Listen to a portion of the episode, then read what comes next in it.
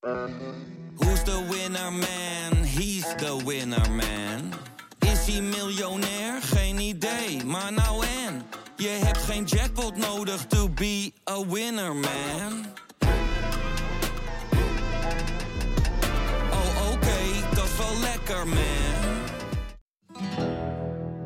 Je rijdt dus door een oorlogsgebied op een, op een vellig, terwijl het keihard regent en overal pikdonker wordt. Nee, we durven niet te stoppen. En eh, ja, eh, Joep is nooit bang. Joep Vermans, de kamerman, die was nu ook echt bang. Via podimo.nl slash gonzo luister je de eerste 30 dagen gratis naar Podimo. podimo.nl slash gonzo. Het centrale thema van de komende jaren is schaarste. En dat betekent dat je in de politiek, in welke functie dan ook, keuzes moet maken. Maar ik zie bij de VVD eigenlijk vooral het volledig schrappen van het hele Nationaal Groeifonds. Het volledig schrappen van het hele wetenschapsfonds, 4,5 miljard. Het volledig schrappen van alle sectorplannen. Ja, op het moment dat er inderdaad wat meer schaarste komt, om dan meteen te gaan snoeien in dat wat voor de toekomst nou het meest belangrijk is. Goed, ik heb heel vaak natuurlijk eh, kritiek gehad op het kabinet, maar op onderwijs is er gewoon de afgelopen jaren echt een goede koers ingezet. En als ik dan nu kijk naar wat er gaat gebeuren, dan schrik ik net als Jan ook. Want dan zie je dat een heel aantal partijen die voorzichtige beweging richting groei en richting meer zekerheid, ook voor onderzoekers, zodat ze niet iedere keer weer opnieuw afhankelijk zijn van kortdurende subsidies en je nooit je onderzoek op een goede manier kan afmaken. Nou, ik zie inderdaad dat een flink aantal partijen zeggen, ja, we moeten nu kiezen en we gaan toch weer dit afschaffen. Ik zit er nu naar te luisteren en realiseer me wat een rare discussie dit eigenlijk is. Wat wij volgens mij hier allemaal met elkaar delen is het belang van waar deze sector voor staat. Wat we ook allemaal zien is dat, dat je daarin moet investeren. Wat we ook allemaal weten is dat je bedrijfsleven nodig hebt uiteindelijk voor het uitrollen van al die nieuwe producten. En wij gaan op die onderdelen elkaar vinden. Dit is Betrouwbare Bronnen met Jaap Jansen.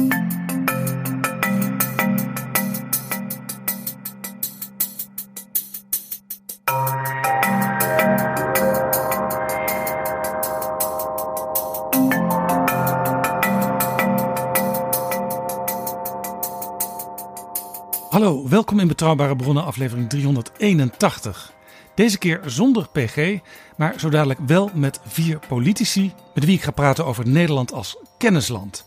Want we hebben in Nederland superslimme mensen en die zijn verenigd in de Kenniscoalitie. Dat is een samenwerkingsverband van de Universiteiten van Nederland, de Vereniging Hogescholen, de Universitair Medisch Centra, de KNAW, NWO, ZonMW, VNO-NCW, MKB Nederland en de Instituten voor Toegepast Onderzoek.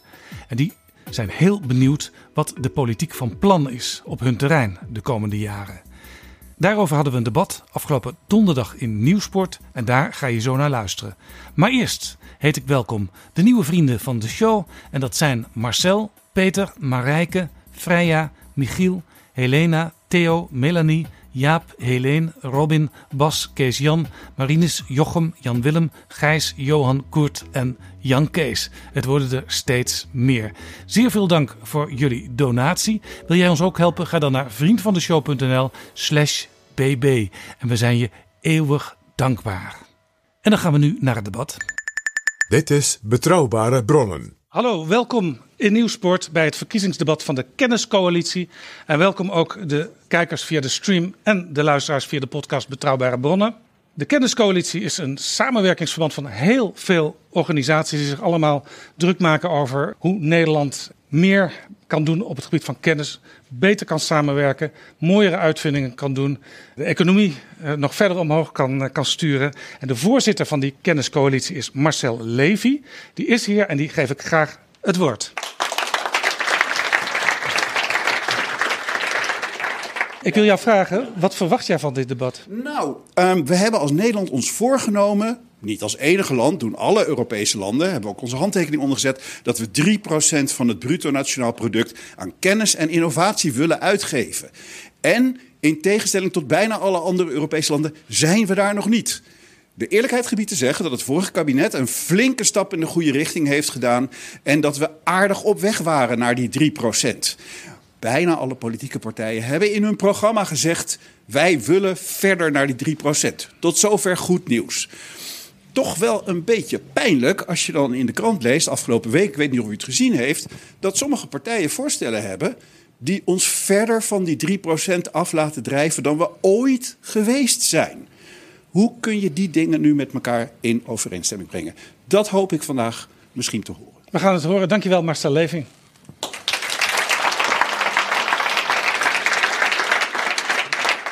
En voordat we echt beginnen, moet ik even met een disclaimer komen. De kenniscoalitie die wilde graag uh, hier de topkandidaten van de zes grootste partijen hebben. Maar helaas hebben Nieuw Sociaal Contract en de PVV laten weten dat het niet in hun agenda paste. Maar we hebben vier andere prachtkandidaten waar we heel erg blij mee zijn. Eminente kandidaten. En die wil ik graag aan u voorstellen. En geef ze een applaus. De nummer twee van D66, Tweede Kamerfractievoorzitter Jan Paternotte.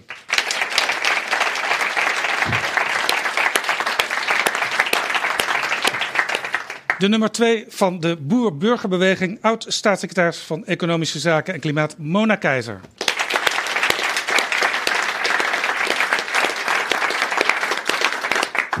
De nummer 5 van de VVD, demissionair minister voor Natuur en Stikstof, Christiane van der Wal.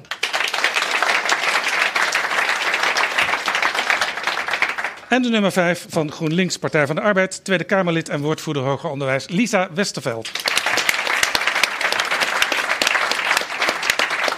En we gaan zo over onderzoek en innovatie praten. Maar eerst even een paar actuele campagnevragen. Uh, Christiane van der Wal, u bent minister van, voor stikstof. Voor natuur en stikstof. Ja, zeker. Maar ook minister uh, voor stikstof, daar gaat deze vraag over. hoe, hoe, kijkt u ernaar dat Frans Timmermans, uh, de lijsttrekker van GroenLinks Partij van de Arbeid, heeft gezegd: ja, 2030 dat is niet meer waarnaar ik wil streven? Dat was wel een beetje uw beleid, toch? Nee, nee dat Nou, is ik- geen beleid. Ik, ben in ieder geval blij. Dus. Een jaartal is geen beleid. Eh, waar ik blij mee ben, als ik nu kijk naar het grote midden van Nederland, is dat er heel veel partijen zijn die zeggen: stikstof is wel een probleem. We moeten de natuur herstellen. En die transitie van die agrarische sector en die verdere verduurzaming van de agrarische sector is keihard nodig.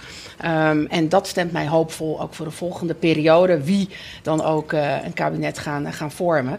Maar het gaat om de transitie, het gaat om de beweging en de verduurzaming van, van de agrarische sector naast de andere sectoren.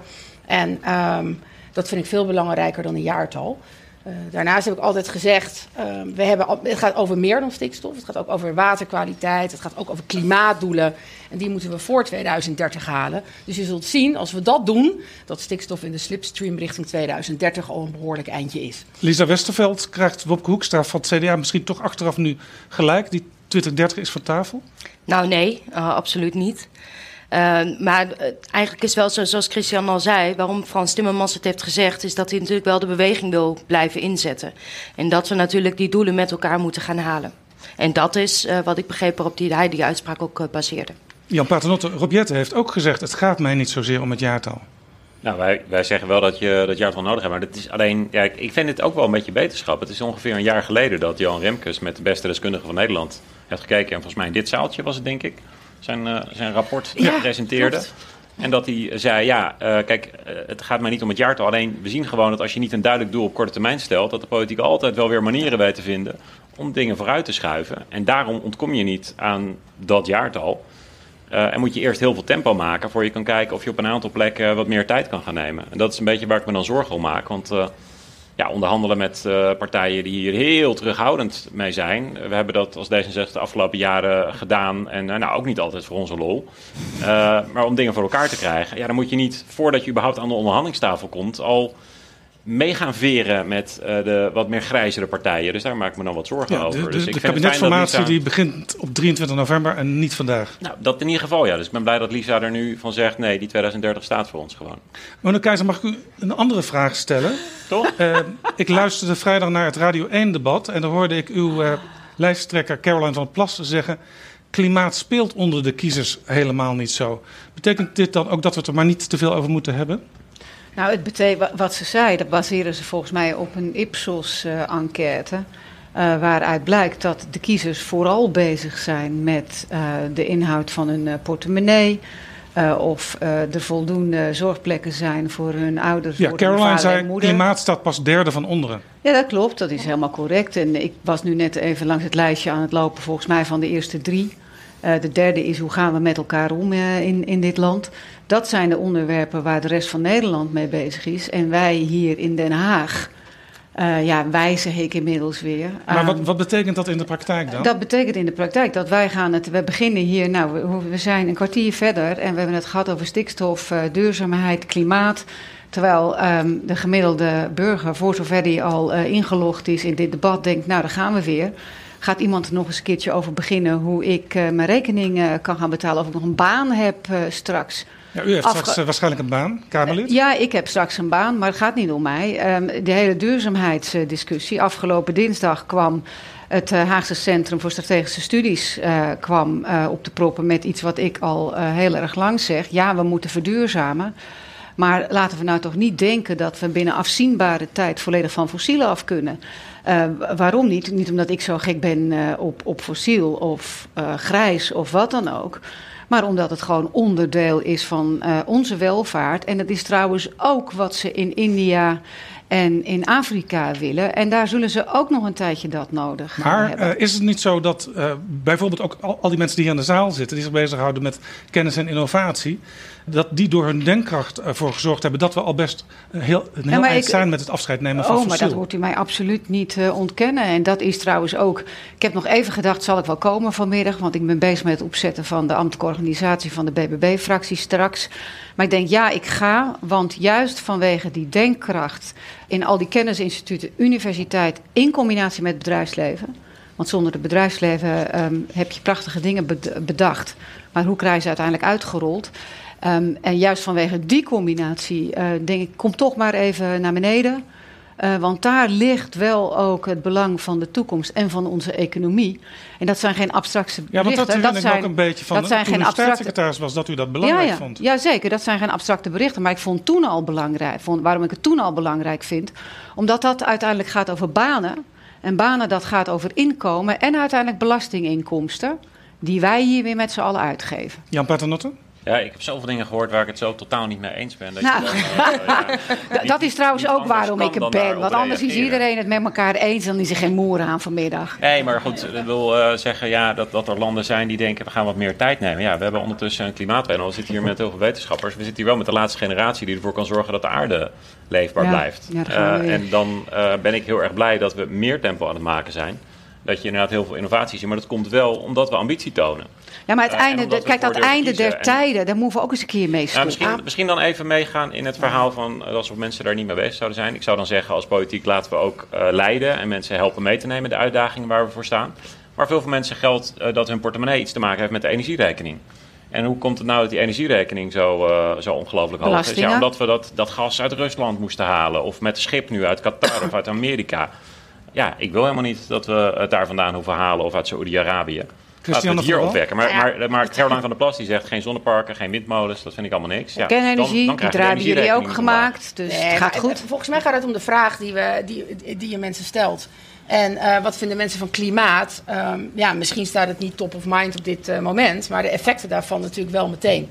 En die verantwoordelijkheid hebben wij natuurlijk wel met elkaar te nemen. Als ik gewoon kijk, uh, als jij in, in, in, een oude binnenstad woont en we hebben steeds grotere plensbuien, ben je toch blij als wij vooruitlopend, uh, en ook al denken mensen, nou het is niet mijn eerste zorg, maar als het water daar niet goed wordt afgevoerd, hebben we wel degelijk een probleem. Ja, maar, maar, maar, daar, maar, daar, maar daar vind je mij aan je van, kant hoor. De afname van biodiversiteit, uh, ja, het klinkt wat hoog over. Misschien niet meteen een zorg, maar als je de effecten uitlegt, van, goed, vind, zou u het ook erg vinden als we geen grondstoffen meer hebben voor onze medicijnen, als we geen schone lucht meer kunnen inademen, als de waterkwaliteit dusdanig slecht is dat de wateringszuiveringen niet meer aankan, dat door uh, periodes van droogte het niet eens gegarandeerd is dat er water uit uw kraan komt, dan denk ik dat het opeens top of mind uh, zorg is bij, uh, bij heel veel mensen. Ja, in, en als hele landen onbewoonbaar worden, omdat daar bijvoorbeeld enorme droogte is of enorme wateroverlast, nou ja, die mensen moeten ergens naartoe. En ook in Nederland merk je inderdaad dat degenen die als eerste last krijgen van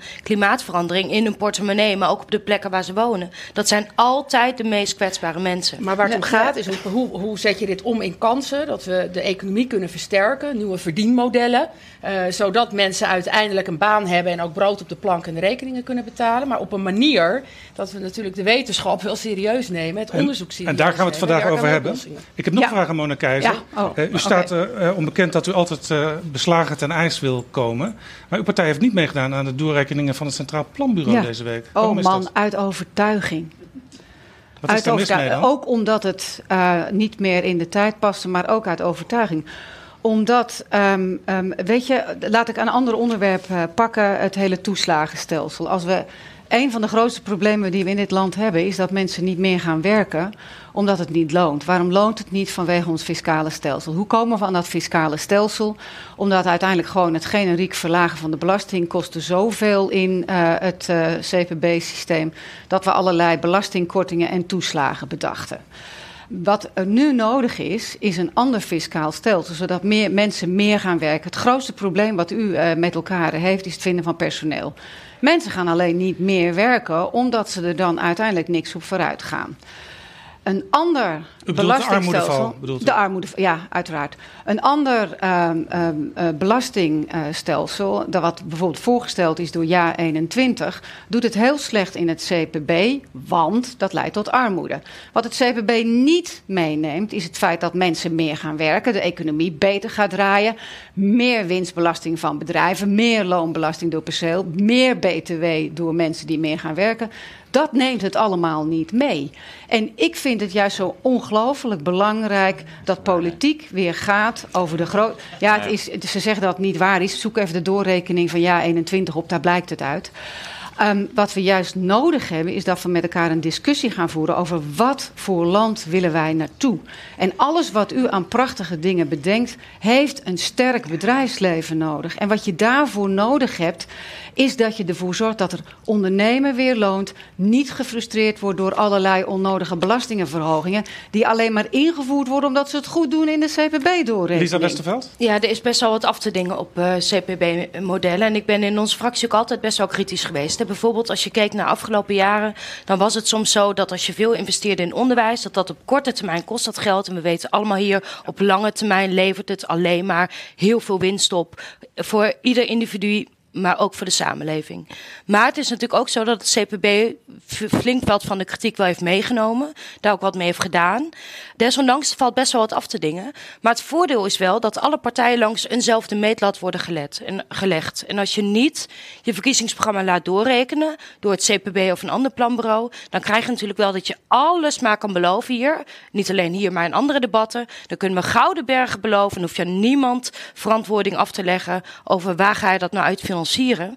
En dat is wel een voordeel van die modellen. Dat je echt de keuzes kan zien die partijen maken. Dat je bij de ene partij ziet, die investeren echt in onderwijs en wetenschap. En bij andere partijen zie je, nou dat doen ze dus Ja, niet. er is, Ja, eh, en- er is en net, een, net een rapport van eh, KNW geweest, eh, de waarde van wetenschap. Daarin wordt gepleit om in die modellen al die investeringen in onderwijs en onderzoek en innovatie wel beter mee te nemen.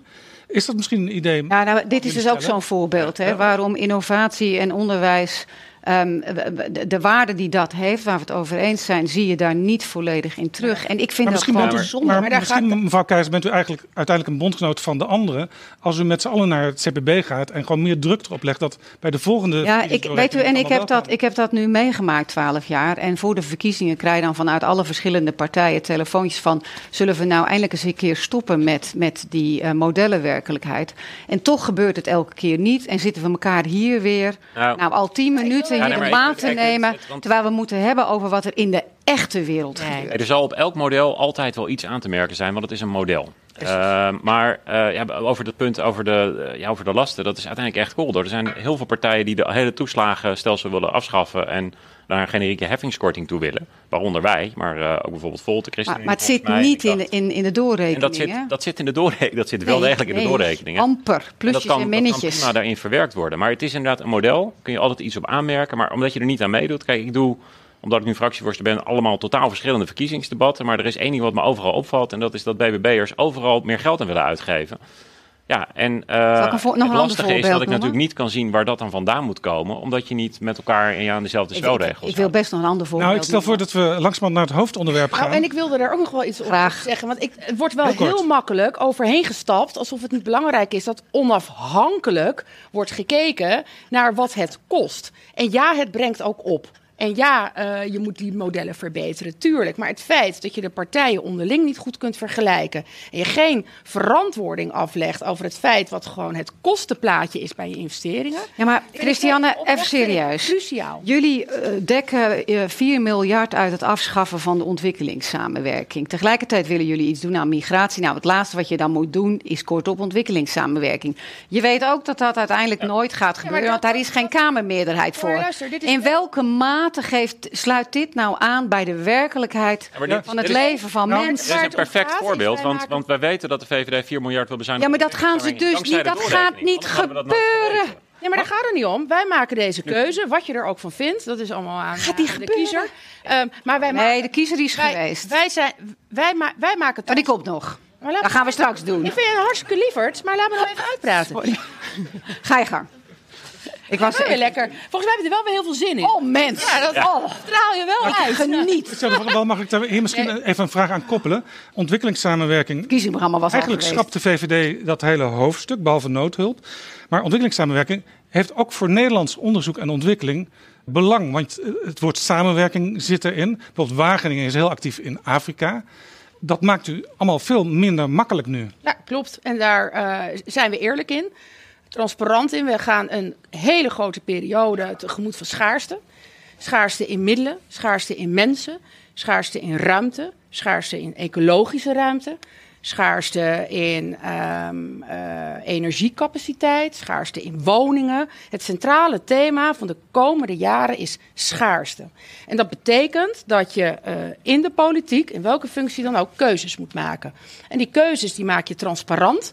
Ehm, en iedereen zal andere keuzes belangrijker vinden dan de ander. Eh, maar juist met die doorrekeningen maak je dat transparant. Ga je ook eh, aangeven waar je dan eh, ten koste van wat je welke keuze maakt. En dat vind ik relevant. En ja, modellen kunnen altijd beter. Maar het zijn wel wetenschappelijk onafhankelijke modellen. Ehm, en ik vind het heel belangrijk dat partijen daaraan eh, aan meewerken. Laten we dan met elkaar gaan kijken hoe je de modellen nog verder verbetert. Eh, ook om meer die opbrengstenkant op langere termijn mee te kunnen rekenen. Maar het is nu echt heel makkelijk verkopen in verkiezingstijd als je hier niet aan meewerkt. Om zomaar te zeggen, en we willen hier meer van, en we willen daar meer van, en we willen zus. Ik wil gerust nog een niet rekensom aangeeft geven, hoe je die rekeningen gaat, eh, gaat betalen. Mona, één zin. Ik, nou, ja, nee, ik wil gerust nog een andere reden. want we gaan naar het Die gaat over ouderenzorg, waar precies hetzelfde in gebeurt. Waardoor al jarenlang niet de maatregelen genomen worden in de zorg die genomen moeten worden. Omdat bijvoorbeeld de verkeerde beddenproblematiek, namelijk oude mensen die in ziekenhuis te lang op ziekenhuis blij- blijven liggen, niet meegerekend wordt in een ander zorgstelsel. Nou ja, dit zijn een paar van die voorbeelden waarom ik. Er was geen tijd. Maar oh, wat ben ik blij dat het nu eindelijk eens een keertje gaat over de inhoud van waar we met elkaar naartoe moeten. In plaats van die plusjes en minnetjes in die Nou, doorrekeningen. we, je wordt op je wenken bediend. We gaan het hebben over inhoud.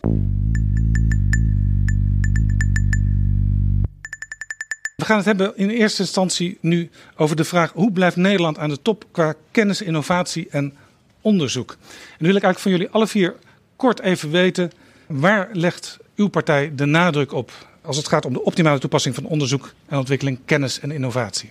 Jan Paternotten.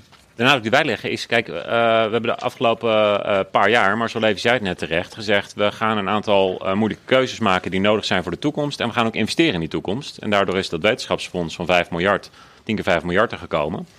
Eh, en wat ik gewoon merk is dat dat een heel belangrijke keuze was om te investeren in de wetenschap. Dat het ook heeft, eh, de wetenschap heeft gezegd, die waardering die hoort daar dus ook bij. En volgens ons moeten we dat dus doorzetten. Dus dat fonds moet niet iets zijn voor 10 jaar, maar het moet structureel eh, worden. En een groter deel daarvan willen we ook in de eerste geldstroom zetten, zodat je ook iets meer doet aan de zekerheid bij instellingen voor het kunnen aanstellen van onderzoekers. Maar wat daar dus achter schuil gaat, is ja, dat zonder investeringen kan je, kan je het niet doen. Ja. Dus aan de andere kant willen wij ook bij bedrijven eh, investeringen doen om te zorgen dat zij qua duurzame circulaire innovaties een extra stap kunnen zetten. Naar voorbeeld van wat in Amerika nu eh, door de Biden-regering gebeurt met eh, de Inflation Reduction Act. Maar dat, daar is het wel, ja, dat is wel essentieel. Wat ik gisteren zag bij die doorrekeningen, uh, ik schrok me kapot. Maar goed, we gaan het zo meteen denk ik nog Daar mag je het straks over hebben. Uh, Christiane van der Wal, waar ligt de VVD de nadruk op? Uh, ik, ik, had het net over schaarste. Dat betekent dat je keuzes moet maken. Dat betekent ook over je strategische agenda als het gaat om kennis en innovatie. Dus echt focus. We hebben grote maatschappelijke transities uh, uh, in dit land. En ik vind dat we ons kennis en onderzoek en innovaties, dat daar meer focus in aangebracht mag worden. Dat, dat we die maatschappelijke transities ook ondersteunen. in combinatie met heel veel ruimte voor het bedrijfsleven. die uiteindelijk verantwoordelijk zijn voor twee derde van de RD. En hoe gaan we dat nou uh, verstevigen? En daarvan gebeurt ook heel veel in de regio. Ik ben gedeputeerde economie en innovatie geweest in de regio, provincie Gelderland. En heb daar keihard gewerkt met onderwijsinstellingen. En dan gaat het ook over HBO's en MBO's, bedrijfsleven, de regionale ontwikkelingsmaatschappijen. Om daar juist die RD van het bedrijfsleven te intensiveren. Uh, maar wel met focus. Ja. Niet met hagel schieten op alles. Interessant, we gaan, dat, zo, we gaan dat zo nader invullen. Uh, Lisa Westerveld, uh, GroenLinks Partij van de Arbeid. Een ja. dubbele partij, zou je kunnen zeggen. misschien hebben jullie ook nog samen moeten onderzoeken van... vinden wij eigenlijk wel hetzelfde op dit terrein? Nou, dat liep bij onderwijs en wetenschap gelukkig uh, redelijk hand in hand. Dus wij, wij investeren, dat zie je ook in onze doorrekening. En wat we in ieder geval niet moeten willen, is dat de investeringen die afgelopen jaar zijn ingezet. Want goed, ik heb heel vaak natuurlijk kritiek gehad op het kabinet, maar op onderwijs is er gewoon de afgelopen jaren echt een goede koers ingezet. En als ik dan nu kijk naar wat er gaat gebeuren, dan schrik ik net als Jan ook. Want dan zie je dat een heel aantal partijen die voorzichtige beweging richting groei en richting meer zekerheid, ook voor onderzoekers, zodat ze niet iedere keer weer opnieuw afhankelijk zijn van kortdurende subsidies en je nooit je onderzoek op een goede manier kan afmaken. Nou, ik zie inderdaad dat een flink aantal partijen zeggen, ja, we moeten nu kiezen en we gaan toch weer dit afschaffen. Een voorbeeld daarvan is ook het Groeifonds, dat ook wel, ja, wel eens het Grijfonds werd genoemd waar je dus ook ziet dat daar ideeën daar gaan we het zo, Daar gaan we het zo over hebben. Ja, waar ook weer uit wordt geplukt. En dat moeten we in ieder geval niet gaan doen de komende tijd. Ik graag ook nog van Mona Keizer weten. Wat is de algemene lijn van de BBB op dit terrein? Nadrukkelijk uh, steun voor uh, wetenschappelijk uh, onderzoek, omdat daar de oplossingen voor de toekomst gevonden worden. eens met oplossen dat je dat niet constant op projectbasis doet. Want dan gaat er veel en veel te veel tijd kwijt aan het constant veiligstellen daarvan. En je zult ook moeten kiezen. Um, nou, de, duurzame, de duurzaamheidsopdracht die, die ligt er. Um, dus daar moeten we echt ook gewoon goed gaan kijken hoe we um, naar de toekomst toe zoveel als mogelijk duurzaam kunnen doen. Zoals bekend, wij zijn ook een voorstander van uh, kernenergie, maar dat is dat is nu even een opmerking uh, ja. terzijde. Ja. Maar zeker ook tot slot, en dat zal je niet verbazen, de voedselzekerheid. En alles wat daar uh, achterweg komt. Niet alleen hier in Nederland, om te kijken of je met minder, um, uh, noem je dat, verdelgingsmiddelen toe kunt. Maar zeker ook om te kijken hoe je het in, in, in verre buitenlanden. hoe je daar kunt helpen. Ja, wat ik niet in uw programma las, maar wat misschien toch wel uw standpunt is, ben ik benieuwd naar. we hebben natuurlijk de Lissabon doelstelling. Dat we uiteindelijk in 2030 3% van ons nationaal inkomen aan eh, onderzoek en innovatie besteden. Ik zag dat niet in uw programma, maar staat u ook achter die doelstelling? Uh, weet je, het, ik ben staatssecretaris geweest op dit uh, onderwerp. En ik weet dat daar heel veel over te zeggen valt. Omdat het verbindingen heeft met wat voor soort, um, in, wat voor soort sectoren heb je in Nederland en ben je sterk in. heeft ook te maken, ja, kijk, als BBP groeit, kachel je vervolgens gigantisch achteruit. En wat doet het bedrijfsleven hierin? en daar zijn ook nog wel een aantal stappen te zetten. Wacht even, ik begrijp even niet. Als je groeit, kachel je achteruit? Ja, dan ga, gaat je het totale bedrag uh, 3% van. Als je BBP groeit, daalt je percentage. Oh, oh ik stond BBB. Ik, BBB. ik dacht al... Als BBB groeit, daalt het percentage ook. Dat is wel waar. Dat, dus op zich... Doe eens lief. Doe eens lief. Hashtag. Jij nee, dat gaat. Ja, je hebt gelijk. Dat gaat uiteindelijk gewoon. De uh, sky is the limit. Maar daar hebben we het nu niet uh, over. Um, dat is een, hoe wij uh, daarnaar kijken. Waarbij ongelooflijk belangrijk is, en ik benadruk het toch maar weer eens een keer, dat je een sterk bedrijfsleven hebt. Want je kunt fantastische dingen bedenken. Als je geen bedrijven hebt die het vervolgens kunnen wegzetten in de markt, heb je wel fantastische producten, maar verdwijnt het naar het buitenland omdat daar bedrijven het wel op kunnen pakken. Ja, we zitten nu in Nederland ongeveer op 2,5% van het nationaal inkomen. Uh, nou lees ik bij D66, daar wordt in feite het bestaande beleid gehandhaafd, komen we er dan wel in 2030 op die 3 procent? Nee, we, uh, dat heb je dan niet helemaal goed gelezen, Jaap, ondanks dat je heel goed kan lezen. Maar uh, nee, want we, we gaan dat wetenschapsfonds, dus, sorry, wetenschapsfonds structureel maken. Uh, en wat we ook doen, is dus dat we een extra miljard, een, nou ja, een Nederlandse variant op de Inflation Reduction Act willen instellen. Om daarmee duurzame innovaties, circulaire innovatie bij bedrijven los te maken. En we zagen ook de afgelopen jaren dat, dat we aan het groeien waren, omdat de politiek zich committeert aan de wetenschap en aan innovatie ja, door dat door te zetten en uit te breiden, denken wij dat we richting die 3% uh, kunnen blijven gaan. Ja, ik hoorde net Christiane van der Wal zeggen, je moet de focus aanbrengen. Maar ik zie bij de VVD eigenlijk vooral het volledig schrappen van het hele Nationaal Groeifonds. Het volledig schrappen van het hele Wetenschapsfonds, 4,5 miljard. Het volledig schrappen van alle sectorplannen. Ja, dat vind ik niet per se focus aanbrengen. La, laten we om te beginnen even naar dat grote snoeischaar doorheen. Laten we even naar het groeifonds kijken om te beginnen. Want dat is natuurlijk een enorm fonds uh, geweest. Uh, Rutte 3 heeft dat ingesteld. Ongeveer 20 miljard beschikbaar voor investeringen in onderwijs, kennis en innovatie. Uh, en dankzij Rutte 4 is ook nog dat fonds onderzoek en wetenschap gekomen. Maar ik zie bij zowel bij Christiane van der Wal, eigenlijk waar Jan al op, op, op duidt, maar ook bij de partij van Lisa Westerveld dat dat groeifonds geschrapt wordt. Nee, bij ons niet. Wij, um, en dat staat ook in de doorrekening. En ik heb dit ook gezien in een aantal artikelen. Maar wij maken er juist een structureel fonds van. En ik begrijp wel waar je op doelt. Want in een aantal artikelen op onder, nou ja, ik zal het niet namen noemen. Daar staat inderdaad dat het schrappen, maar dat doen we niet. Wij maken juist een structureel fonds. Oh, ik heb in uw programma ook gelezen dat er. Um, een fonds moet komen waar bedrijven aan kunnen doneren. Ik vond dat een wat mysterieus fonds, maar dat is dat fonds waar u, u nu op doet. Nee, je, hebt, je hebt inderdaad het groeifonds en je hebt ook het, uh, um, je hebt ook het fonds zeg maar, dat over het algemeen gaat over onderzoek en wetenschap. Je hebt twee verschillende fondsen. Als je kijkt in de doorrekening, dan zie je bij een aantal partijen inderdaad dat het volledig wordt geschrapt. En bij ons dus niet. Wij willen juist een fonds waaruit inderdaad langjarige contracten zijn. Maar dat is dus een langjarig andere systematiek dan het groeifonds. En we gaan er niet zeg maar, zoals dat, we noemen het anders. Maar, ik heb dat echt anders gelezen. Ja, ja maar kijk maar naar de doorrekening. Maar ik ben benieuwd naar de kritiek van, van de VVD.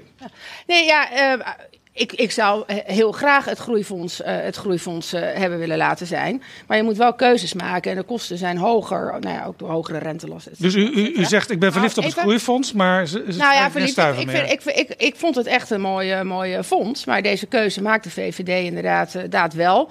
maar het groeifonds is natuurlijk niet het enige. En waar inderdaad, nou ik hoorde Jan, Jan Paternotte ook zeggen...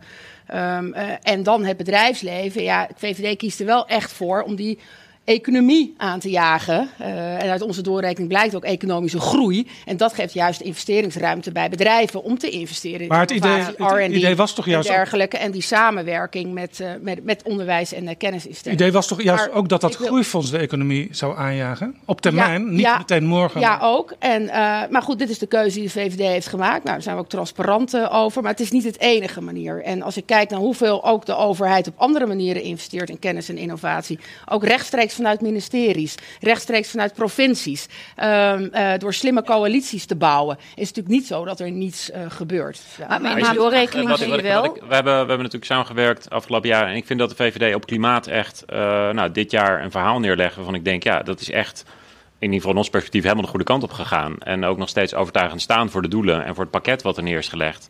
Uh, bij stikstof heeft Christian van der Wal zelf natuurlijk heel veel weerstand uh, gehad uh, voor het neer moeten leggen van een moeilijke boodschap. Maar bij onderwijs hebben we ook gezegd, we gaan met elkaar echt investeren. We gaan weer perspectief bieden. En dan het schappen van en de sectorplannen en het wetenschapsfonds en het groeifonds helemaal leeghalen. Uh, ja, ja, was, dat niet, was dat niet iets moois geweest om dan te zeggen: nee, daar gaan we juist wel voor staan in deze tijd? Want ja, op het moment dat er inderdaad wat meer schaarste komt, dan, dan meteen te gaan snoeien en dat wat voor de toekomst nou het meest belangrijk is. Ja, dat, dat, is, dat, is het smaak, dat is het smaakverschil. En echt credits ook voor Robert Dijkgraaf. Want ik vind echt dat dat is een fantastische minister van Onderwijs. Dat meen ik echt. Die bereikt wat die staat ervoor uh, in de volle breedte. Dat meen ik echt.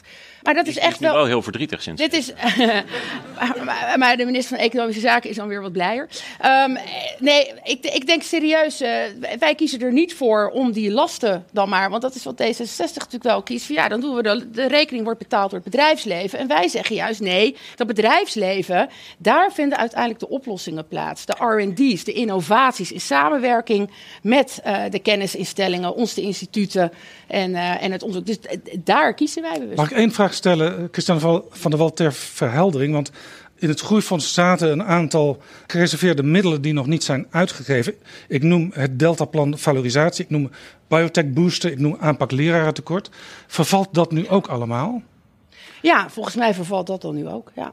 Ja, dat is, ja, en, en dat, is, dat is wel ook wel de keuze die, uh, die inderdaad verschillende partijen maken. Als je kijkt naar de doorrekening, daar hebben we hem weer, dan zie je een plus bij, ja, laten we eerlijk zijn, bij D66, ook bij GroenLinks PvdA van zo 2,5 en 2,7 miljard, uh, geloof ik. En bij een VVD zie je inderdaad een min 1,3. Ja. En, wat en dat gaat inderdaad voor... omdat, omdat, daar, omdat de VVD kiest. En wat zien we bij... Maar, maar, maar, maar, maar, maar mensen, de lastenverhoging die bij het bedrijfsleven wordt neergelegd. En jongens, nou even naar de praktijk. Uh, ik spreek MKB'ers, ondernemers, die door al die lastenverzwaringen de stap niet zetten naar innovatie, R&D en onderzoek. Dat gaan ze niet doen. Eén opmerking tussendoor. Er luisteren ook mensen via de podcast mee. En die horen niks meer als er door elkaar gepraat wordt. Dus eigenlijk heb ik een dubbel verzoek. Laat elkaar uitpraten. Maar als je aan het woord bent, laat ook af en toe een witje vallen. Zodat de ander het kan overnemen. Mona Keizer, wat, wat zegt uw partij over het groeifonds? Ja, ik zit, ik zit hier nou te luisteren. En bij vorige uh, campagnedebatten um, was ik ook uh, vertegenwoordiger van een partij die had doorgerekend. En ik zit er nu naar te luisteren en realiseer me wat een rare discussie dit eigenlijk is. Want straks wordt er een kabinet gevormd. En de vorige keer kwamen er toen opeens twee uh, hele nieuwe fondsen bij. Dus wat wij volgens mij hier allemaal met elkaar delen is het belang van waar deze sector voor staat. Wat we ook allemaal zien is dat, dat je daarin moet investeren. Wat we ook allemaal weten is dat je bedrijfsleven nodig hebt uiteindelijk voor het uitrollen van al die nieuwe producten. En wij gaan op die onderdelen elkaar vinden in deze discussie. En het is zo eeuwig zonde dat we hier nou over 2,7 en 3,5 uh, procent, miljard, weet ik veel wat zitten te praten. Het zijn wel enorme bedragen. Ja, het zijn enorme bedragen. Tegelijkertijd zal de praktijk straks laten zien dat er geïnvesteerd blijft in al dit soort ontwikkelen en innovaties, omdat we ze nodig hebben. Wij zullen in de gaten houden dat je het bedrijfsleven erbij houdt, omdat zonder dat bedrijfsleven heb je er allemaal helemaal niks aan en verdwijnt het naar het buitenland.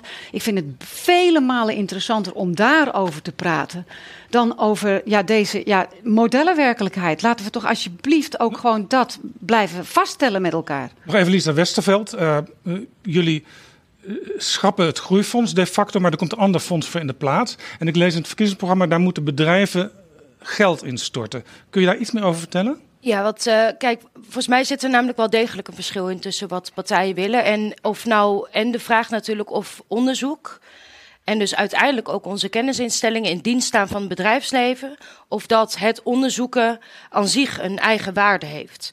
En wat we nou best wel vaak zien, is dat natuurlijk bedrijven investeren in onderzoek. En dat is ook heel mooi. En tegelijkertijd moeten we er echt voor waken dat het investeren niet toe leidt dat er ja, ook het bedrijfsleven of overheden hè, een, een vinger in de pap hebben bij welk soort onderzoeken wordt uitgevoerd. En soms ook onbedoeld of, of, of niet. Uiteindelijk ook dat de uitkomsten zo zijn dat ze gunstig zijn. En op de meeste instellingen gebeurt dat niet. En over het algemeen wordt het heel zuiver gedaan, maar dat risico ligt wel op de loer. En daarom zijn wij ervoor dat er meer een soort van onafhankelijk fonds komt, waar inderdaad geld ingestopt kan worden met een onafhankelijke waakhond, die dus ervoor komt dat het bedrijfsleven of overheden een grote vinger in de pap hebben. waarom zou een ik wil, mag ik één voorbeeld ook noemen?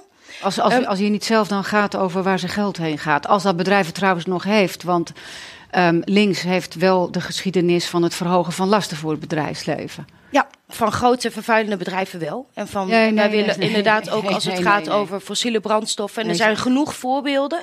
Niet per se in Nederland, maar bijvoorbeeld uh, internationaal dat Shell inderdaad een grote vinger in de pap heeft bij onderzoeken die gaan over fossiele brandstoffen. Ook in het verleden. Mag ik nog één ander voorbeeld noemen? Die gaat bijvoorbeeld ook over de zorg. Er wordt ontzettend veel waardevol onderzoek gedaan naar zorg. Je wil voorkomen dat er alleen maar onderzoek gedaan gaat worden nou ja, naar inderdaad medicijnen waar wat aan te verdienen valt. Om het even helemaal plat te Christiane? Ja, ik maak me echt grote zorgen over de relatie met MKB. En dan heb ik het niet over de grote vuilnissen, maar ook gewoon die MKB'ers. Als ik kijk in de achterhoek, de maakindustrie, hoeveel innovatie en, uh, en ook gecombineerd met onderzoek daar plaatsvindt. Die oplossingen bieden voor al die transities uh, die zo belangrijk zijn voor Nederland. Met deze lastenverzwaringen die er aankomen, gaan ze dat niet fixen. Een ander probleem wat ik zie in het bedrijfsleven is de toegang tot onderzoek, tot middelen, tot subsidies. We hebben dat zo ingewikkeld gemaakt in dit land. Correct. Dat de gemiddelde MKB'er eh, klein MKB daar mensen voor moet aannemen om de aanvraag te kunnen doen. Zo ingewikkeld is het. En uh, heel veel ondernemers, waar heel veel innovatiekracht, denkkracht zich stappen daar niet op in omdat ze de middelen niet hebben om daar apart weer FTE'ers of mensen voor aan te als nemen. Als ze die mensen al kunnen dat, vinden. Als ze die mensen al kunnen vinden, ja. maar leven is schaars. Nou, dit moet je Daar moet die financieringshub er ook dat snel, begint, uh, Nee, snel dat komen. begint met uh, lastenverlaging en een goed klimaat voor ondernemers. Zodat ze de ruimte hebben om ook die investeringen te doen. Want die ondernemers willen innoveren. Is dit wat, wat u draagt in bij het programma aan... hebt staan? Ja. Daar, daar lees ik... We vragen private investeerders bij te dragen aan het behalen van de Lissabon-doelstelling. Ja, want de Lissabon-doelstellingen, overigens, volgens mij zit het Europees gemiddelde op 2,1 en doen wij dat echt uh, in Nederland uh, beter. Heel belangrijk dat we dat streven houden om dat naar die 3% te krijgen. Maar dat kan ook via de band van het bedrijfsleven. Maar dan moeten we wel het bedrijfsleven de ruimte geven en die innovatiekracht daar optimaal te benutten. En dan moet je niet de lasten verhogen. Eens. Ja, het is wel een heel geraffineerde manier hoe we van uh, de vraag van hoe kan het nou dat echt ongeveer alle investeringen in de wetenschap, nee niet ongeveer, gewoon alle investeringen in de wetenschap van de laatste jaren geschrapt worden. Hoe we dan komen bij een discussie over de financieringsinstrumenten voor MKB'ers. Want uh, dat is een heel geraffineerde manier van debatteren. Maar ik ben toch gewoon heel erg benieuwd. Uh, wij vinden op zich ook wel dat die belasten bij sommige partijen voor bedrijven wat te veel verhoogd worden. En dat er een grens aan zit. Daarom zetten we ook een bovengrens in die vennootschapsbelasting. Maar ja, het is niet zo dat uh, als je de lasten voor bedrijven verlaagt, dat dat betekent dat op de universiteiten, bij de kennisinstellingen, er ineens voldoende ruimte is om door te kunnen gaan met de richting die we zijn ingeslagen. Dus dat doe je met minder middelen en daar moet je daar ook meer focus in aanbrengen. En uh, dat, is, dat is dan wel een, een heldere keuze. Te ja. zeggen van, nou oké, okay, dan, dan richten we ons ook meer op die maatschappelijke transities. Uh, die grote maatschappelijke opgaven die voor ons liggen, waarbij het bedrijfsleven, uh, onderwijs, uh, universiteiten, kennisinstellingen is slimme coalities. Maar het, het, het begint toch een beetje mijn hoofd te... Wat, ik, ja. wat daarbij echt belangrijk is, wat jij ook uh, zei, ik zie dat ook in mijn werk binnen natuur en stikstof.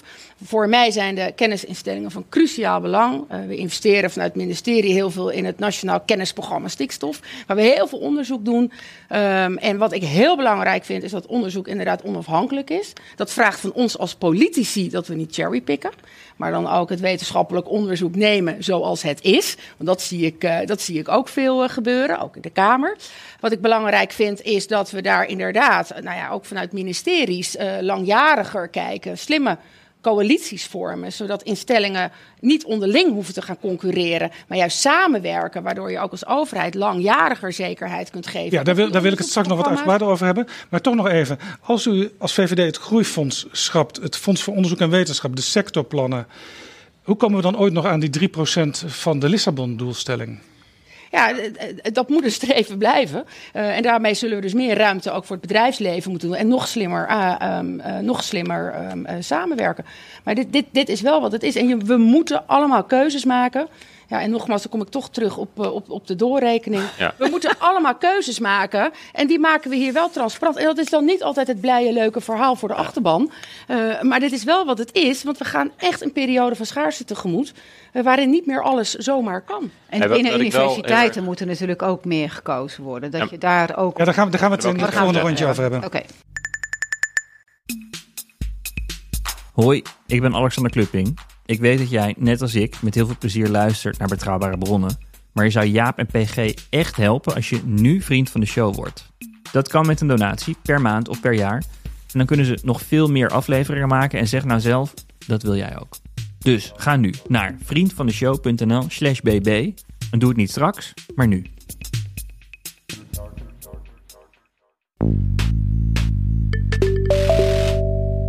Dit is Betrouwbare Bronnen. Een podcast met betrouwbare bronnen.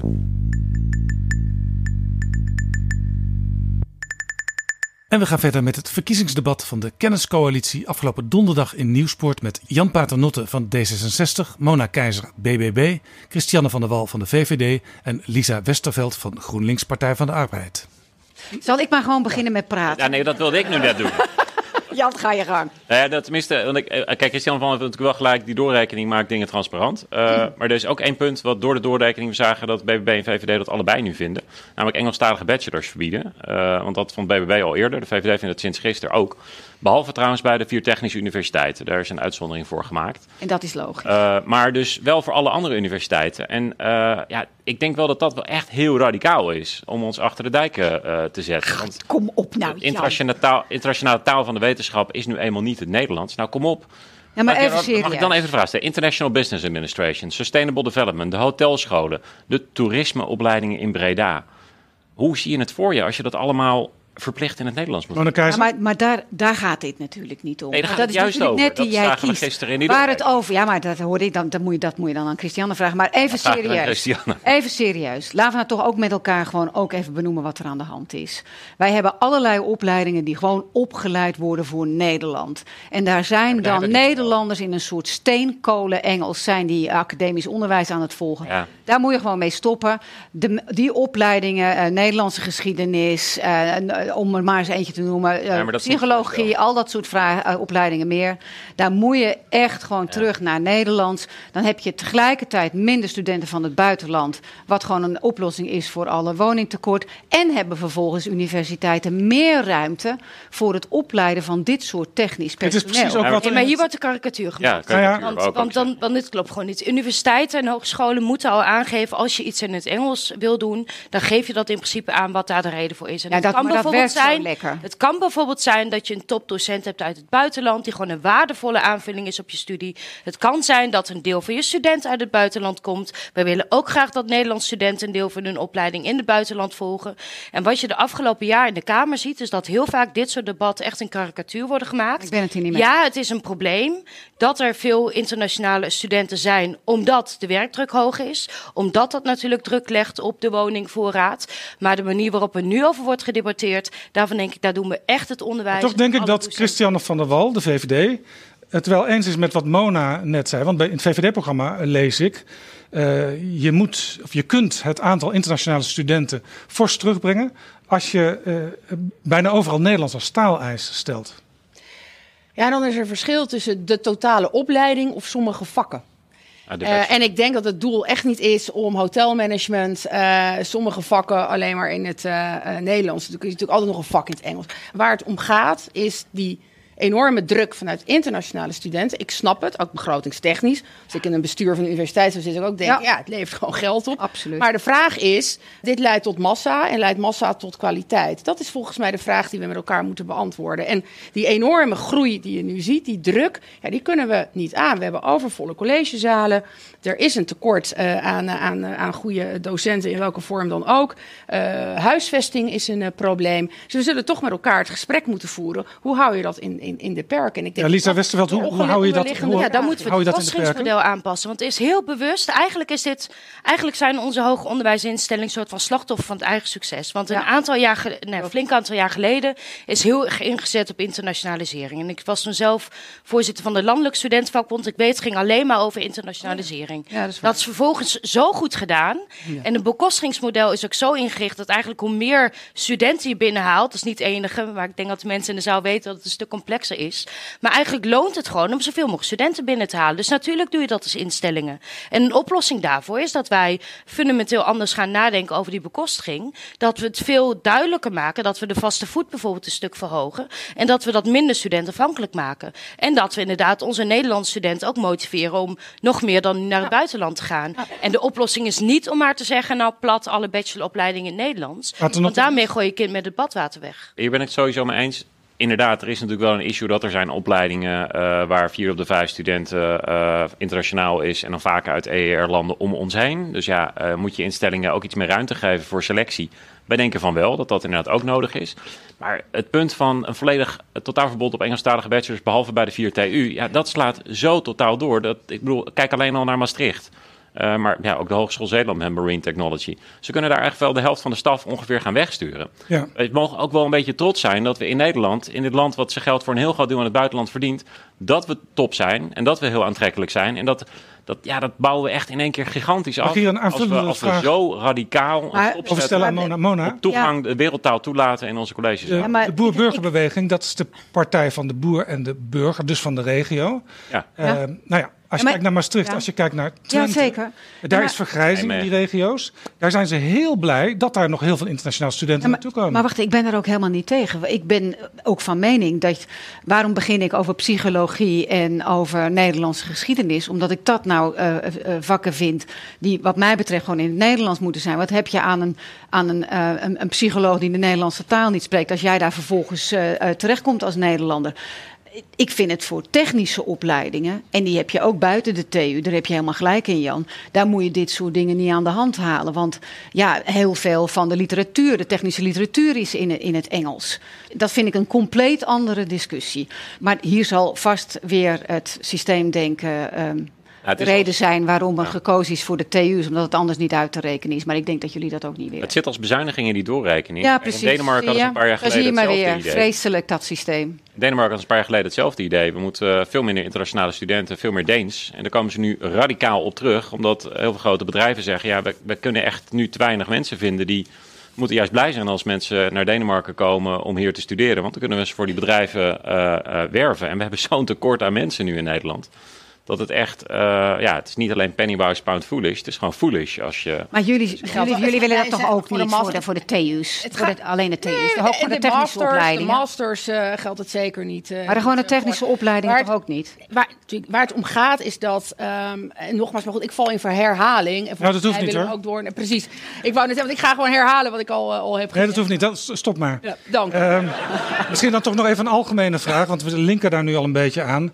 De universiteiten en de hogescholen hebben natuurlijk een vast bedrag als het om financiering gaat en ook uh, variabele inkomsten. Uh, is die verhouding op dit moment goed? Nee. nee, wat Lisa net nee, zei. dat is die capaciteitsbekostiging. Kijk, elk bekostigingsmodel heeft natuurlijk zijn eigen perverse prikkels. En, en dat is ook de reden dat ieder bekostigingsmodel om de zoveel jaar weer uh, nou, opnieuw wordt bediscussieerd. En dan heb je natuurlijk wel de discussie in de Kamer van hoe moet je dat nou doen. En dan zijn er inderdaad partijen die zeggen je zou het meer af moeten laten hangen van kwaliteit. Dat klinkt heel positief, maar hoe beoordeel je nou kwaliteit? Is dat nou hè, studentenbeoordelingen? Is dat nou internationale ratings? Dus iedere keer bij elk bekostigingsmodel heb je prikkels die je eigenlijk niet wil. En de truc is natuurlijk om een bekostigingsmodel zo in te richten dat het zo min mogelijk van dat soort prikkels heeft. En eigenlijk dat je gewoon zekerheid geeft op de lange termijn. Maar daarvoor is het, vind ik nu wel tijd dat we opnieuw, met we bedoel ik dan vooral het veld zelf, met het ministerie, gaat kijken van hoe kunnen we nou het beste het bekostigingsmodel ja. zo inrichten dat er langdurige, stabiele financiering komt. Maar dan heb je natuurlijk wel politieke partijen en een overheid voor nodig die ook gewoon garandeert dat dat niveau van die bekostiging op peil blijft. En dat is denk ik nog wel de grootste uitdaging voor de komende jaren. Laten we ook even kijken naar het HBO. Ik denk dat jullie alle vier praktijkgericht onderzoek belangrijk vinden. Uh, hoe gaan we dat verder stimuleren? Nou, weet je, volgens mij begint dat uh, met zorgen dat uh, jonge mensen kiezen voor technische opleidingen. Daar begint het mee. En dat is echt wel een heilig huisje in Nederland. Toen ik staatssecretaris uh, was, heb ik die discussie wel eens gevoerd met het MBO. Ik was verantwoordelijk voor het Techniekpact. En dat was, nou, dat, oh, Mona, alsjeblieft, vrij, keuzevrijheid, heel belangrijk. Dus minder vrije keuze, meer gericht? Ja, want laten we toch eerlijk wezen, als je toch kijkt in, in die leeftijdscategorie, daar, daar, echt de, de, de, de gedreven types daar gelaten, kiezen toch vaak waar hun vriendjes en vriendinnetjes voor kiezen of wat hun ouders doen. Dus daar mag je best wel, uh, ook trouwens, um, in het sturen naar technische opleidingen, mag je volgens mij echt wel uh, meer druk uitoefenen. En trouwens, en, en dat betekent trouwens ook dat je dus in de financiering iets doet. Want dat heeft natuurlijk ook die consequentie. Dat je dus in de opleidingen die zien op uh, nou ja, de alfa-kant, zal ik maar even gemakshalve zeggen. Dat je daar dan wat wegneemt om het meer in de beta-kant te, te, stoppen. Maar volgens mij kan je net zo gelukkig zijn als uh, techneut. als dat je bent als uh, jurist. Ja, maar het is natuurlijk wel een groot probleem. En juist in de technische vakken en in de technologie, allemaal nodig voor uh, de verduurzaming, is een enorm tekort aan mensen. Hoe, hoe gaan we dat aanpakken? Moeten nou, we misschien toch dus. iets meer sturen, zoals Mona zegt? Ja. Nou, je bent dus ook praktijkgericht onderzoek. Ik ben wel heel erg blij dat dat de afgelopen jaren meer van de, van de grond is komen. We zagen deze week nog de hele mooie voorbeelden van de HVA en, en Codarts, die uh, natuurlijk met uh, onderzoek mentaal welzijn en duurzaam gedrag hele mooie voorbeelden zijn van wat die hogescholen nu aan het bijdragen zijn. Uh, en daar willen we ook, als we dat wetenschapsfonds structureel maken uh, en je daar een deel van in de eerste geldstroom zet, betekent dat dus ook bij de hogescholen. Uh, en dat vind ik ook belangrijk om dat uit te stralen dat we dat verder willen uitbouwen. juist ook omdat ja, de, de, de toepassingen heel vaak aansluiten bij de maatschappelijke vragen. En die hogescholen veel makkelijker wat dat betreft ook allianties kunnen sluiten met, ook met overheden die natuurlijk ook met die maatschappelijke vragen zitten. Bepaalde opleidingen of onderdelen van opleidingen op hogescholen en op universiteiten die lijken soms een beetje op elkaar. Blijkt ook dat een deel van de studenten op universiteiten ja, die hadden eigenlijk net zo goed misschien wel op een hogeschool Ja. kunnen zitten.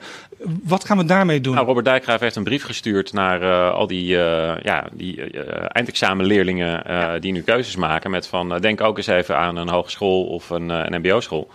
Ja. al was het maar omdat de vraag op de arbeidsmarkt naar eh, mensen die van de hogeschool komen of eh, praktisch geschoold zijn, misschien wel veel groter aan het worden is. En, eh, en je kans op goed betaald werk daar, eh, nou ja, inmiddels minstens net zo groot Ja, vaak is. ik zag in het rapport van de commissie Boormans, die hebben becijferd, één op de zeven studenten van de universiteiten, die zouden eigenlijk op het hbo beter thuis zijn. Ja, Dat moeten we, dat moeten we echt, echt stimuleren. Maar ik denk ook hier. Dat, het punt één, dat praktijkonderzoek is volgens mij cruciaal. Ik, ik maak het dagelijks mee, nu in mijn huidige baan.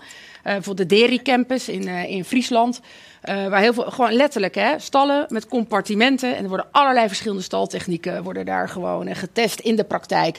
Eh, en ze samenwerken ook met de, met de WUR, eh, met andere onderwijsinstellingen, met het bedrijfsleven, wat daarbij eh, betrokken is. Nou, dit zijn campussen. Ja, ik, ik geloof daar echt, echt, echt heilig eh, in. stikstofuitstoot wordt dan ook gemeten daar. Ja, ja, ja. Nee, maar dat is echt nieuwe meten. Maar er zijn absoluut technische oplossingen voor, dames en heren. Ja, ze, ze, ze gaan alleen niet het hele probleem oplossen. Maar ik denk dat we hier wel ook meer focus in aan moeten brengen. Dat we ook dat praktijkonderzoek blijven stimuleren, maar wel ook gericht op die maatschappelijke transities. En eh, dan is ook de vraag, ja, wie maakt dan eh, de keuzes? Is dat inderdaad lump sum naar het HBO en u mag zelf kiezen waar we dat aan besteden? Of gaan we meer het gesprek aan en doen we het ook meer via eh, nou, bijvoorbeeld de MWO om te kijken van welke keuzes maken we daarin? Ja. Ik denk wel dat dat relevant Maar het is. is, wel, het is ook wel een Ja. lastige. Nee, Gewoon in alle eerlijkheid, het is best een lastige discussie natuurlijk. Van hoe zorg je nou voor dat je juist het HBO en het WO beide versterkt. En beide hun ook een eigen identiteit laten behouden. Want voor heel veel. Ja, voor heel veel ook studiekiezers lijkt het natuurlijk wel zo alsof de hogeschool zit hier en de universiteit is een stapje hoger. Dus Ja. dat vraagt ook iets in de manier waarop wij erover praten. Dat vraagt ook echt om, om goed te kijken naar wat is nou echt dat karakter van het HBO. En dat vraagt misschien ook wel, en ik zeg niet dat ik dat per se wil, want die discussie is ook binnen onze partij nog niet uitgespeeld, maar leg hem hier wel neer. Dat, dat vraagt misschien ook wel dat je eens opnieuw goed gaat kijken naar bepaalde, eh, nou, bepaalde studies. Geldt dat Die trouwens ook best voor- op het HBO of op de universiteit? Ja, ik denk dat je daar absoluut een punt hebt hoor. Want eh, je hoort dat ook heel vaak onder eh, mensen die studeren. Ja, ik ben pas echt afgestudeerd als ik die master eh, heb. Terwijl de sector, de, volgens mij het bedrijfsleven zit, die gilt om die eh, bachelors. Ja, je hoe ziet, kun je die je ziet ook helpen? een hele Ja. mooie voorbeeld van lectoraten toen die opstarten. Toen, toen leek dat een beetje alsof het een beetje net als op de universiteit, maar dan toch anders. En nu zie je, vind ik, dat in dat onderzoek dat daar ook wordt uitgevoerd, hoe dat zich verder ontwikkelt. En dat dat echt veel meer praktijkgericht en ja, vooruit in samenwerking met het bedrijfsleven ook heel erg goed van de grond. komt. Vooruit. Maar ook, als je, ja, maar ook als je kijkt naar bijvoorbeeld verschillende lectoraten die juist zich heel erg veel richten op die zorgkant, op het onderwijs beter maken. Ik zie daar hele mooie voorbeelden. Ja, vindt u trouwens dat universiteiten onderling ook meer zich van elkaar moeten onderscheiden? Dat er misschien toch nog wat meer specialisatie moet plaatsvinden? Ja, maar dan niet op een. Ja, we denken wel eens van concurrentie is goed, maar ik zie dat in, Nee. het, in, het, in het juist als het hier gaat over onderzoek, heb ik liever dat er echt juist heel goed wordt samengewerkt met allemaal een eigen specialiteit. En dat gebeurt natuurlijk ook eh, met buitenlandse instellingen. Daarom is ook dat Engels eh, gewoon belangrijk dat in ieder geval studenten dat meekrijgen. Omdat je echt de allermooiste dingen zie ontstaan, vind ik, als er internationaal wordt samengewerkt. Al is het maar omdat je ook van elkaars cultuur leert. Omdat er ook soms ergens onderzoek wordt gedaan waar we dan in Nederland nog totaal niet bij stilstaan. En je op die manier juist elkaar kan verrijken. Ja, waar ik me een beetje zorgen om maak is dat, dat het, ehm, eh, het al snel gaat natuurlijk over... ja, je moet wel focus aanbrengen, keuzes maken... maar dat is vaak ook in de context van... eh, ja, want het is schaars en het, we gaan bezuinigen. Ja, wij willen helemaal niet bezuinigen.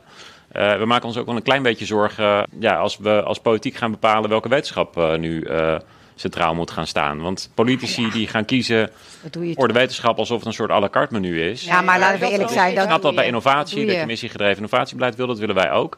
Maar als je, als je gaat sturen op wetenschap, dan weet je zeker Nee. dat het fundamenteel onderzoek daaronder gaat leiden. Nou, toch, toch even een vraag dan aan Christiane van der Wal. want, eh, En dan zitten we meteen ook bij het laatste blok. En dat, de, daar is de hoofdvraag. Ja, eh, je hebt geld. Eh, de een zegt dit, de ander zegt dat. Maar we hebben allemaal gezegd, ja, die doelstelling van 3% aan onderzoek en innovatie besteden is belangrijk. Uh, ja, dan moet je toch uiteindelijk wel uh, keuzes maken. En hoe maak je die keuzes dan? Focus betekent niet we stoppen met het andere. Dat betekent het niet. Dan zeggen we kiezen om alleen nog maar dit of dat te doen. Focus betekent dat je wel wat accenten verlegt. En fundamenteel onderzoek doen we volgens mij heel veel. Uh, en dat is ook hartstikke goed. Maar ik pleit wel voor meer focus. En ik vind dat je als overheid, als je investeert, dat ook mag vragen. Wat zijn volgens de VVD de, nou, de focus zou veel, prioriteiten? Topprioriteiten zijn de grote maatschappelijke transities. En daar waar het nieuwe verdienvermogen voor Nederland ligt. En dan investeren we in onderzoek, in kennis, innovatie. En versterken we ook onze toekomstige economie. Wat zorgt voor banen en, uh, en, uh, en investeringsruimte voor ondernemers. Die weer goede, kunnen investeren in goede oplossingen voor die maatschappelijke problemen. Dit is dus wat ik in, daar ben ik in uw programma lees. We maken gerichte keuzes zodat onderzoeksgeld meer gaat naar bijvoorbeeld technisch, medisch en beta-onderzoek. Staat letterlijk in het programma. Dat betekent dus eigenlijk dat alfa en gamma, ja, die komen er dan bekijkt af. Ja, dat, dat, is dus een keuze waarvan ik vind dat je die moet maken. Overigens zie je wel dat heel vaak, uh, bijvoorbeeld alfa, vaak in het verlengde ligt van beta-onderzoek. Als wij onderzoek doen naar AI, hebben we ook weer medisch-ethische vraagstukken. Dus, of ethische vraagstukken, excuses. Dus uh, het, is, het, het, het, versterkt elkaar natuurlijk wel. Dat is een discussie die, uh, die heb ik in de tijd ook meegemaakt. En die wordt buitengewoon eng gevonden. Maar focus, dan zul je uiteindelijk wel moeten kiezen. Ja. Want anders blijf je gewoon doen wat je altijd al gedaan hebt. En je kan niet helemaal zonder de talen, de filosofie de psychologie. Maar ik vind dat nu de balans de, de verkeerde kant op hangt. En ik vind dat je echt wel ook in je financiering meer richting uh, de kanten op mag gaan. Waar ook dat verdienvermogen van de toekomst in ligt. En trouwens ook heel veel van die maatschappelijke opgaves, uh, zoals jij die net formuleerde. Het is toch een beetje gek als je zegt, we gaan ons focussen op een paar maatschappelijke opgaves en daarom gaan we focussen op beta, techniek en medisch. En volgens zeg maar voor die maatschappelijke opgave hebben we alfa en gamma nodig. Ja, maar je, ja, dan is dat toch, dat ja, maar je toch kiest toch. Je hebt dan toch uiteindelijk in je financiering leg je de nadruk wat meer op, op, op het ander. Want als je dat niet doet, dan zijn jouw woorden van ik, ik vind ook dat er focus moet zijn, die zijn leeg. Ja, maar, de nadruk, die ligt, die nadruk ligt daar natuurlijk al. Het is niet alsof daar nou... Uh, nee, dat is niet waar. Nee. En uh, D66... Nou ja. maar goed, D66... 80% van de investeringen van het bedrijfsleven gaat naar beta. Ja, we hebben het nu al nee, maar jullie, Ik bedoel, het kan, omdat er ook de lasten bij het bedrijfsleven worden gelegd. En dat, dat, dat is het verschil, uh, denk ik, dus op dit punt tussen VVD en D66. Misschien, ja. misschien nog aanvullend, uh, Mona Keizer. U was natuurlijk staatssecretaris van Economische Zaken. Moet er ook iets veranderen in de verhouding tussen OCMW en EZK als het gaat om onderzoek en innovatie? Je bedoelt wie over wat gaat? Ja. Want ik hoor hier dus dat het bedrijfsleven uh, meteen uh, ja, nou, ik weet me wel te herinneren dat die discussie buitengewoon ingewikkeld was. Om uh, te prioriteren. De valorisatieagenda, uh, die was wel buitengewoon ingewikkeld. Waarin vanuit de OCMW altijd heel erg Um, ik, dus, en ik doe nu hele grote stappen, dat begrijpt u, want ik kan natuurlijk niet alles vertellen. Maar heel erg was van ja, academische vrijheid. Terwijl vanuit EZK veel meer uh, uh, toch bewogen werd. Ja, oké, maar waar investeer je dan in? En waar heb je dan uiteindelijk je maatschappelijke meerwaarde van? Nou ja, en zoals ik hier nu zit um, als vertegenwoordiger van de BBB, past dat naadloos. Want ook nu zeg ik, ja, er mag echt wel even wat meer nadruk komen op die maatschappelijke maatschappelijke opgave. En dat je dus ook in je keuzes van waar besteed je je geld aan, daar jezelf meer uh, op richt. Dus ja, eigenlijk ja. Ja. Er is echt zo'n verschil tussen maatschappelijke opgave of maatschappelijke meerwaarde en waar valt nou geld te verdienen. En, en dat is waarom ik een discussie over waar de overheid moet sturen zo eng vind. Want je wil niet dat politici voor instellingen gaan bepalen welke opleidingen worden aangeboden, welk onderzoek wordt gedaan. Laat de politiek daaruit wegblijven. Maar dat doe jij het toch is natuurlijk voor een deel al zo dat bijvoorbeeld, nou ja, dat bijvoorbeeld bepaalde groepen studenten, daar krijgen instellingen wat meer bekostiging voor. Gewoon dat die studies duurder zijn. Omdat je daar meer geld voor nodig hebt, omdat je werkt met dure apparaten. Dus dit pleit toch wel voor die onafhankelijke fondsen? Ja, maar die is, die is wel wat, wat prikkelarmer dan je gaat sturen op de. je gaat gewoon kijken naar wat zijn de kosten. En daar bekostig je dan op. In plaats van dat je gaat bedenken als politici of als overheidsorgaan. van wat zou ons nou geld opleveren, daar gaan we investeren. En ik denk dat dat echt. Dit is niet correct, want het wordt gestuurd. Als jij kijkt naar de opdracht die meegegeven is in het verleden. aan bijvoorbeeld het Groeifonds. Uh, zitten daar ook keuzes in. Als je kijkt naar het subsidiebeleid voor de kunst- en cultuursector, zitten daar ook keuzes uh, Het is natuurlijk een kwestie van verschil tussen je zet een raamwerk neer of je gaat het als overheid heel erg nee, maar dat, dagelijks sturen. Maar dat, volgens mij was ik daar duidelijk over, maar laat ik dan nog preciezer zijn. Uiteindelijk vind ik dat je als overheid best mag zeggen, beste universiteiten, hogescholen, kennisinstellingen, hier heb je het geld, maar wij vinden dat dat vooral besteed moet worden aan duurzaamheid, voedselzekerheid, om de keuzes van de BBB te benadrukken. En dat daar dan uiteindelijk in die sectoren daar natuurlijk zelf gekeken wordt. Waar liggen dan uh, waar ligt dan, waar moet het onderzoek op gericht zijn en met welke zaken komen wij dan? Dat spreekt voor zich. En, en, dit vinden wij dus van, of je het nou hebt over van het basisonderwijs tot de universiteit. Het wordt gewoon allemaal heel ingewikkeld op het moment dat politici inderdaad op deze manier naar gaan kijken. We hebben meer boerderij-educatie op de basisschool. En wat doen jullie ook? inderdaad, uh, Identiteitspolitiek vinden jullie volstrekt normaal om mee te geven aan de kunst- en cultuursector. Nee, maar dit, dit, is echt onzin. Ja, nee, maar het is, uiteindelijk zit er altijd een keuze de, in. De reden, dat, de reden dat er nu uh, inderdaad meer fundamenteel onderzoek kan worden gedaan, is omdat we dat mogelijk hebben gemaakt. Maar wij bepalen niet welk onderzoek dat is. Dat lijkt me ook een volstrekt logische manier van ermee omgaan. De politiek moet niet gaan bepalen waar wetenschappers een onderzoek op richten. Nog even iets heel anders. Hoe staan jullie... Volgens mij doet de Kamer dat ook heel vaak. Uh, door ja, om een vaak, onderzoek inderdaad. te vragen of, of wat dan ook. En dan doen ja, we een bestelling. Van de minister. Ja, van de minister. Ja. dat is heel goed. Nee, dat geef je dan toch Dan door. doen we een bestelling en dan krijgen we... Wat, wat crucialer is, vind ik, is dat we ons niet bemoeien... met de manier waarop het onderzoek plaatsvindt. Dat het Correct. onderzoek 100% onafhankelijk is. Dat we, als de uitkomsten er komen en ze ons niet bevallen... dat we niet gaan cherrypicken en alleen maar wat ons gunstig naar buiten brengen. Volgens mij is dat net zo belangrijk. Als het gaat om het bekostigen, eh, er zijn tegenwoordig ook best wel wat studenten, bijvoorbeeld een stuk of 2000 uit eh, China, die ook rechtstreeks geld krijgen van de Chinese overheid. Eh, er komt geld binnen ook voor onderzoek van Saoedi-Arabië. Daar wordt wel met enige huiver naar gekeken. Is dat bij jullie ook zo? Ja, maar dat is, dit, kijk, dit heeft ook te maken met onafhankelijkheid inderdaad. Want ja, ik heb best wel veel onderzoekers gesproken die zeiden: Nou ja, uh, als ik minder geld krijg, maar er komt een uh, student uit China met een enorme zak geld. Dat is wel heel erg aantrekkelijk natuurlijk, ja. En dat is, we weten dat de strategie van de Chinese overheid in hoge mate is om dan zoveel mogelijk kennis naar China te halen, maar niet per se om dat te blijven uitwisselen. Uh, dus ik zou niet willen dat onderzoeksinstellingen daar afhankelijk van worden. En we zullen ook inderdaad die screening waarschijnlijk de komende jaren nog verder moeten opvoeren. De KNAW die zegt komt dan niet de vrijheid van wetenschapsbeoefening onder druk te staan als je veel gaat screenen? Ja, dat risico loop je wel. Maar ik weet ook dat inderdaad universiteiten, onderzoeksinstellingen zijn hier de afgelopen tijd heel erg mee bezig geweest. Juist omdat dit ja. een heikel issue is. En omdat je natuurlijk ook heel erg moet uitkijken dat je, nou, dat discriminatie ligt ook al heel snel op de loer. Dat omdat het een keer ergens misgaat, dat je dan meteen de hele groep met Chinese studenten of onderzoekers in de kwaad daglicht zet. En ik weet dat, dat die discussie op veel instellingen nu in ieder geval best wel goed wordt gevoerd. En het blijft gewoon ook een heel lastig dilemma. Want hoe weet je nou of iemand voor een overheid spioneert of iemand gewoon echt een toponderzoeker of, uh, of student is. Dat een heel lastige. De realiteit is wel dat de Chinese overheid het nu zo moeilijk maakt voor uh, Chinese studenten om helemaal los te staan van uh, de doelen die de staat zelf stelt. en kijk, volgens mij weet je bij welke studies het echt erom gaat. En dat zijn over het algemeen niet bij bachelorstudenten natuurlijk en meestal ook niet bij masterstudenten. Dat zijn toch vooral bij de PhD's. Dat je heel erg moet letten op wat ze, wat ze met welk doel komen doen. Dit is Jaap Jansen met Betrouwbare Bronnen. We gaan naar de afsluiting van deze bijeenkomst. We hebben nu ruim een uur gepraat. Straks zitten jullie mogelijk aan de onderhandelingstafel in de kabinetsformatie. Ik wil van jullie alle vier kort even weten wat er over dit onderwerp, onderzoek en innovatie, absoluut in het nieuwe regeerakkoord moet. Jan Paternotte? Uh, kennis is de enige grondstof waarvan de waarde vermeerdert met het gebruik ervan. En dus moeten we investeren in kennis. Dat is bijna een regeltje. Ja, ja uh, citaat van Alexander Renoir is het ook. Moest één zin, toch? Ja, hartstikke goed. Je, meestal, je begint het te leren. Uh, niemand houdt zich eraan, maar ik probeer het ook. dus,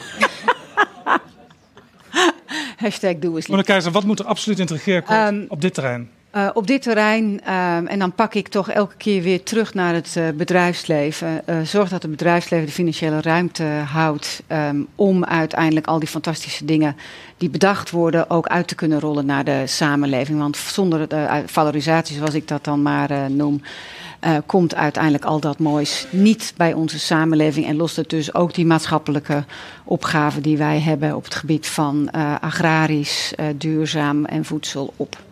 Christiane van der Wal, wat moet er absoluut in het regeerakkoord? Focus en keuzes maken.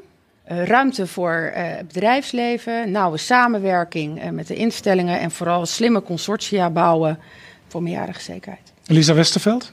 Ik ben vooral bang dat we moeten knokken om te voorkomen dat er bezuinigingen plaatsvinden. Dus ik zou echt willen dat we het pad van investeren doorzetten. Dat er langdurige financiële zekerheid komt. En dat we dus echt zorgen dat onze kennisinstellingen door kunnen blijven gaan. En niet bang hoeven te zijn dat ze de komende jaren te maken krijgen met een enorme kaalslag.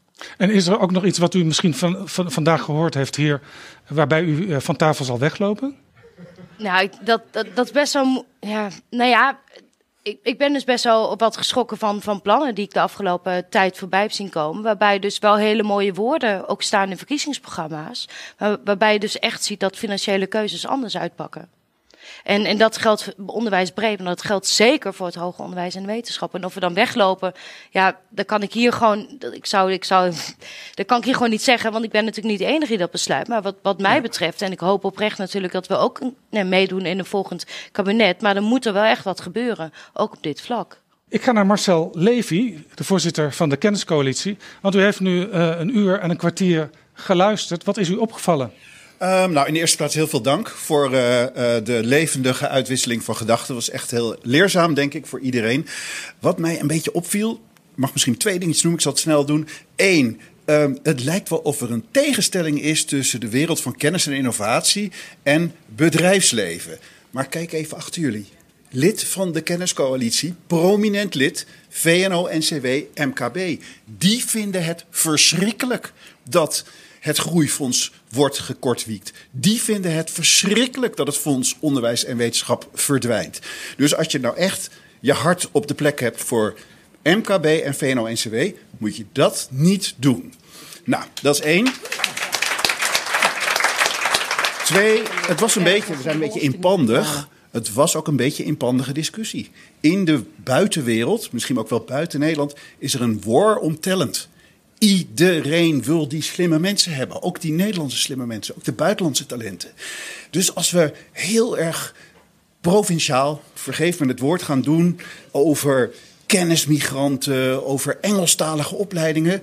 En het voorbeeld van Denemarken was heel goed gekozen. Daar hebben ze het gedaan haren op hun hoofd spijt, ja, dan zijn we niet op de goede weg. Dus laten we ook af en toe even kijken naar het buitenland. En af en toe even kijken buiten Nederland, wat er zich allemaal afspeelt. In Europa en daarbuiten. Heeft u ook nog iets positiefs gehoord? nou, heel veel. Ik denk dat alle mensen die hier zitten hebben laten merken dat ze het hart voor wetenschap, innovatie, kennis en de betekenis daarvoor voor Nederland echt wel zien. Ja, de invulling die ze daaraan geven was een tikje variabel. Hartelijk dank Marcel Levy en hartelijk dank ook aan de kenniscoalitie die deze bijeenkomst, die deze bijeenkomst georganiseerd heeft. Uh, dank ook u hier in Nieuwsport. Kijkers via de stream en vanaf zaterdag ook de luisteraars van de oh, podcast Betrouwbare Bronnen. uh, en ik dank graag de gasten van vanavond. Jan Paternotte, Mona Keizer, Christiane van der Wal en Lisa Westerveld.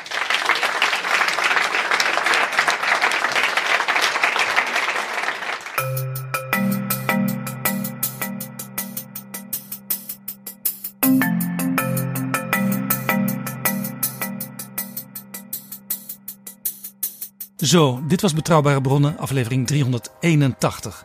Deze aflevering is mede mogelijk gemaakt door de Kenniscoalitie. En er is, als het om kennis gaat, natuurlijk nog veel meer om het over te hebben. En dat gaat ook gebeuren, bijvoorbeeld aanstaande dinsdag 14 november in het Nationaal Hoger Onderwijsdebat.